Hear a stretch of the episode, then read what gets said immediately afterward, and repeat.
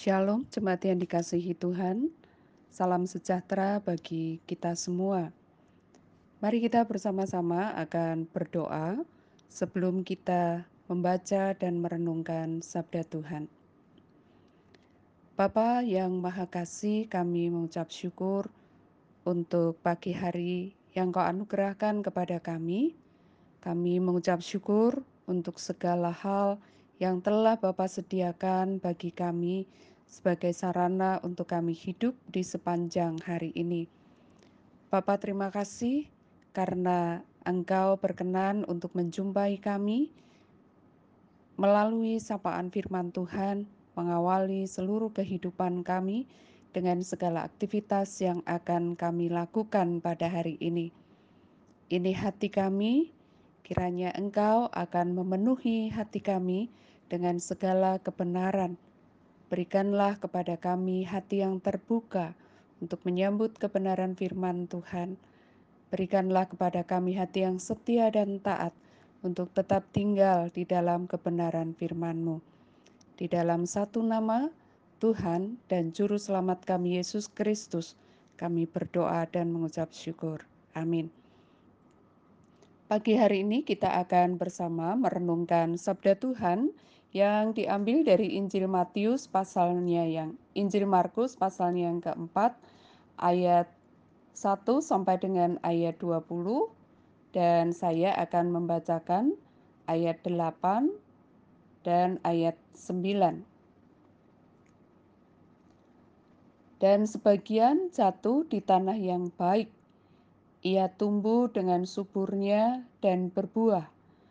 Hasilnya ada yang 30 kali lipat, ada yang 60 kali lipat, ada yang 100 kali lipat. Dan katanya, siapa mempunyai telinga untuk mendengar, hendaklah ia mendengar. Demikian bacaan firman Tuhan pada pagi hari ini. Bapak, Ibu, dan saudara-saudara yang dikasihi Tuhan, manusia memiliki kecenderungan untuk menyalahkan pihak lain ketika sesuatu yang tidak baik terjadi di dalam kehidupannya. Kalau bisnisnya gagal, kalau nilainya jelek, kalau tubuhnya sakit, kalau terjadi kehilangan, atau persoalan-persoalan yang lain, paling mudah orang mencari kesalahan orang lain. Bahkan demikian juga yang orang lakukan ketika kehidupan kerohaniannya tidak bertumbuh. Yang orang lakukan adalah menyalahkan orang lain, entah temannya, entah keluarganya, atau pengkhotbahnya. Injil Markus pasal 4 ayat 1 sampai dengan ayat 20 menyatakan bahwa benih yang ditaburkan itu akan bertumbuh dengan baik dan bahkan akan menghasilkan buah berlipat ganda apabila benih itu jatuh di tanah yang baik. Jika benih yang ditabur itu jatuh di tanah yang keras di pinggir jalan, atau di tanah yang berbatu-batu, atau di tempat yang penuh dengan semak duri, maka benih itu tidak akan bisa menghasilkan buah. Hal ini mengingatkan bahwa sikap hati seseorang terhadap firman Tuhan itu menjadi penentu.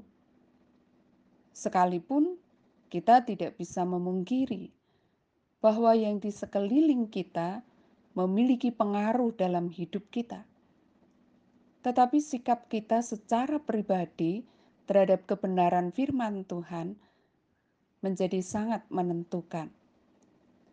Benih yang ditaburkan sama, yang menaburkan benih juga sama, cara menaburkan juga sama, tetapi hasil akhirnya ternyata tidak sama. Tergantung tanah seperti apa benih itu jatuh. Kalau benih itu jatuh di tanah yang keras di pinggir jalan, maka benih itu bahkan tidak sempat tumbuh. Kalau benih itu jatuh di tanah yang berbatu-batu, mungkin benih itu akan sempat hidup, tetapi tidak bertahan lama. Kalau benih itu jatuh di tempat yang penuh dengan semak duri, benih itu akan bertumbuh, bahkan mungkin akan bisa sampai menjadi besar, tetapi tidak akan menghasilkan buah. Namun, benih yang jatuh di tanah yang baik, di tanah yang subur, maka bukan hanya akan bertumbuh, tetapi juga menghasilkan buah berlipat ganda. Nah, Bapak, Ibu, dan saudara yang dikasihi Tuhan, bagaimana kita meresponi firman yang ditaburkan? Apakah kita mengeraskan hati, atau hati kita penuh dengan batu-batu atau penuh dengan semak duri. Jika ingin mengalami pertumbuhan dan menghasilkan buah berlipat ganda, maka dibutuhkan hati yang baik, yang siap untuk ditaburi benih. Benih itu berakar mendalam dalam hati dan mengubahkan hidup kita, sehingga akan menghasilkan buah bagi kemuliaannya. Pada hari ini, sekiranya kamu mendengar suaranya. Janganlah keraskan hatimu seperti di Meriba, seperti pada hari di masa di padang gurun.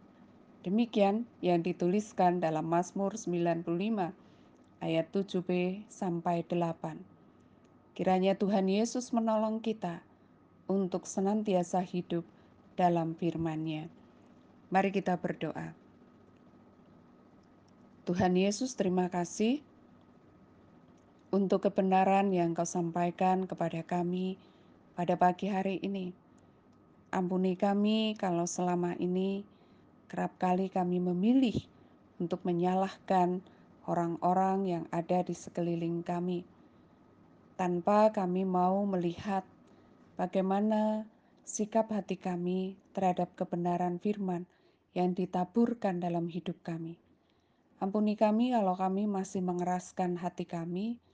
Ampuni kami kalau firman yang ditaburkan tidak bisa bertahan lama dalam hidup kami. Oleh karena ada berbagai macam hal yang kami biarkan tinggal dalam hati kami. Ampuni kami jikalau kesulitan, penganiayaan, penindasan, bahkan terkadang juga tekanan dan ancaman membuat firman itu tidak bisa menghasilkan buah. Kami memilih untuk kami menentukan hidup kami sendiri. Bapa di surga, kami berdoa untuk para pemimpin bangsa kami di dalam segala upaya untuk mengatasi pandemi. Tuhan menolong mereka dan memberkati karya tangan mereka. Engkau pimpin mereka ketika mereka memikirkan dan juga melakukan berbagai macam hal untuk mengatasi pandemi ini. Demikian juga untuk upaya percepatan vaksin, Tuhan juga akan menolong supaya semua boleh berjalan dengan baik dan apa yang dibutuhkan tersedia bagi seluruh rakyat di negeri ini. Kiranya Engkau juga menolong supaya setiap pribadi boleh menyadari ini menjadi suatu kebutuhan sehingga masing-masing pribadi boleh dengan kerelaan hati, dengan kesadaran mereka sadar bahwa mereka memerlukannya untuk menjaga diri mereka dan juga menjaga orang-orang yang ada di sekeliling mereka. Tuhan berkati setiap keberadaan gereja di mana pun berada di tengah-tengah kehidupan yang semakin sulit ini. Jadikanlah umatmu menjadi saluran berkat bagi setiap orang yang ada di sekelilingnya Tuhan akan makin memperlengkapi dan setiap kepercayaan yang Tuhan berikan kiranya dilakukan dengan segenap hati bagi kemuliaan Tuhan. Pagi ini ketika umatmu menyatakan setiap pergumulan pribadi di hadapan engkau, kiranya engkau menolong, engkau akan menyatakan segala kebaikan sesuai dengan kehendakmu dan sesuai dengan waktumu. Terima kasih Bapa di surga, di dalam nama Tuhan Yesus Kristus kami berdoa dan mengucap syukur.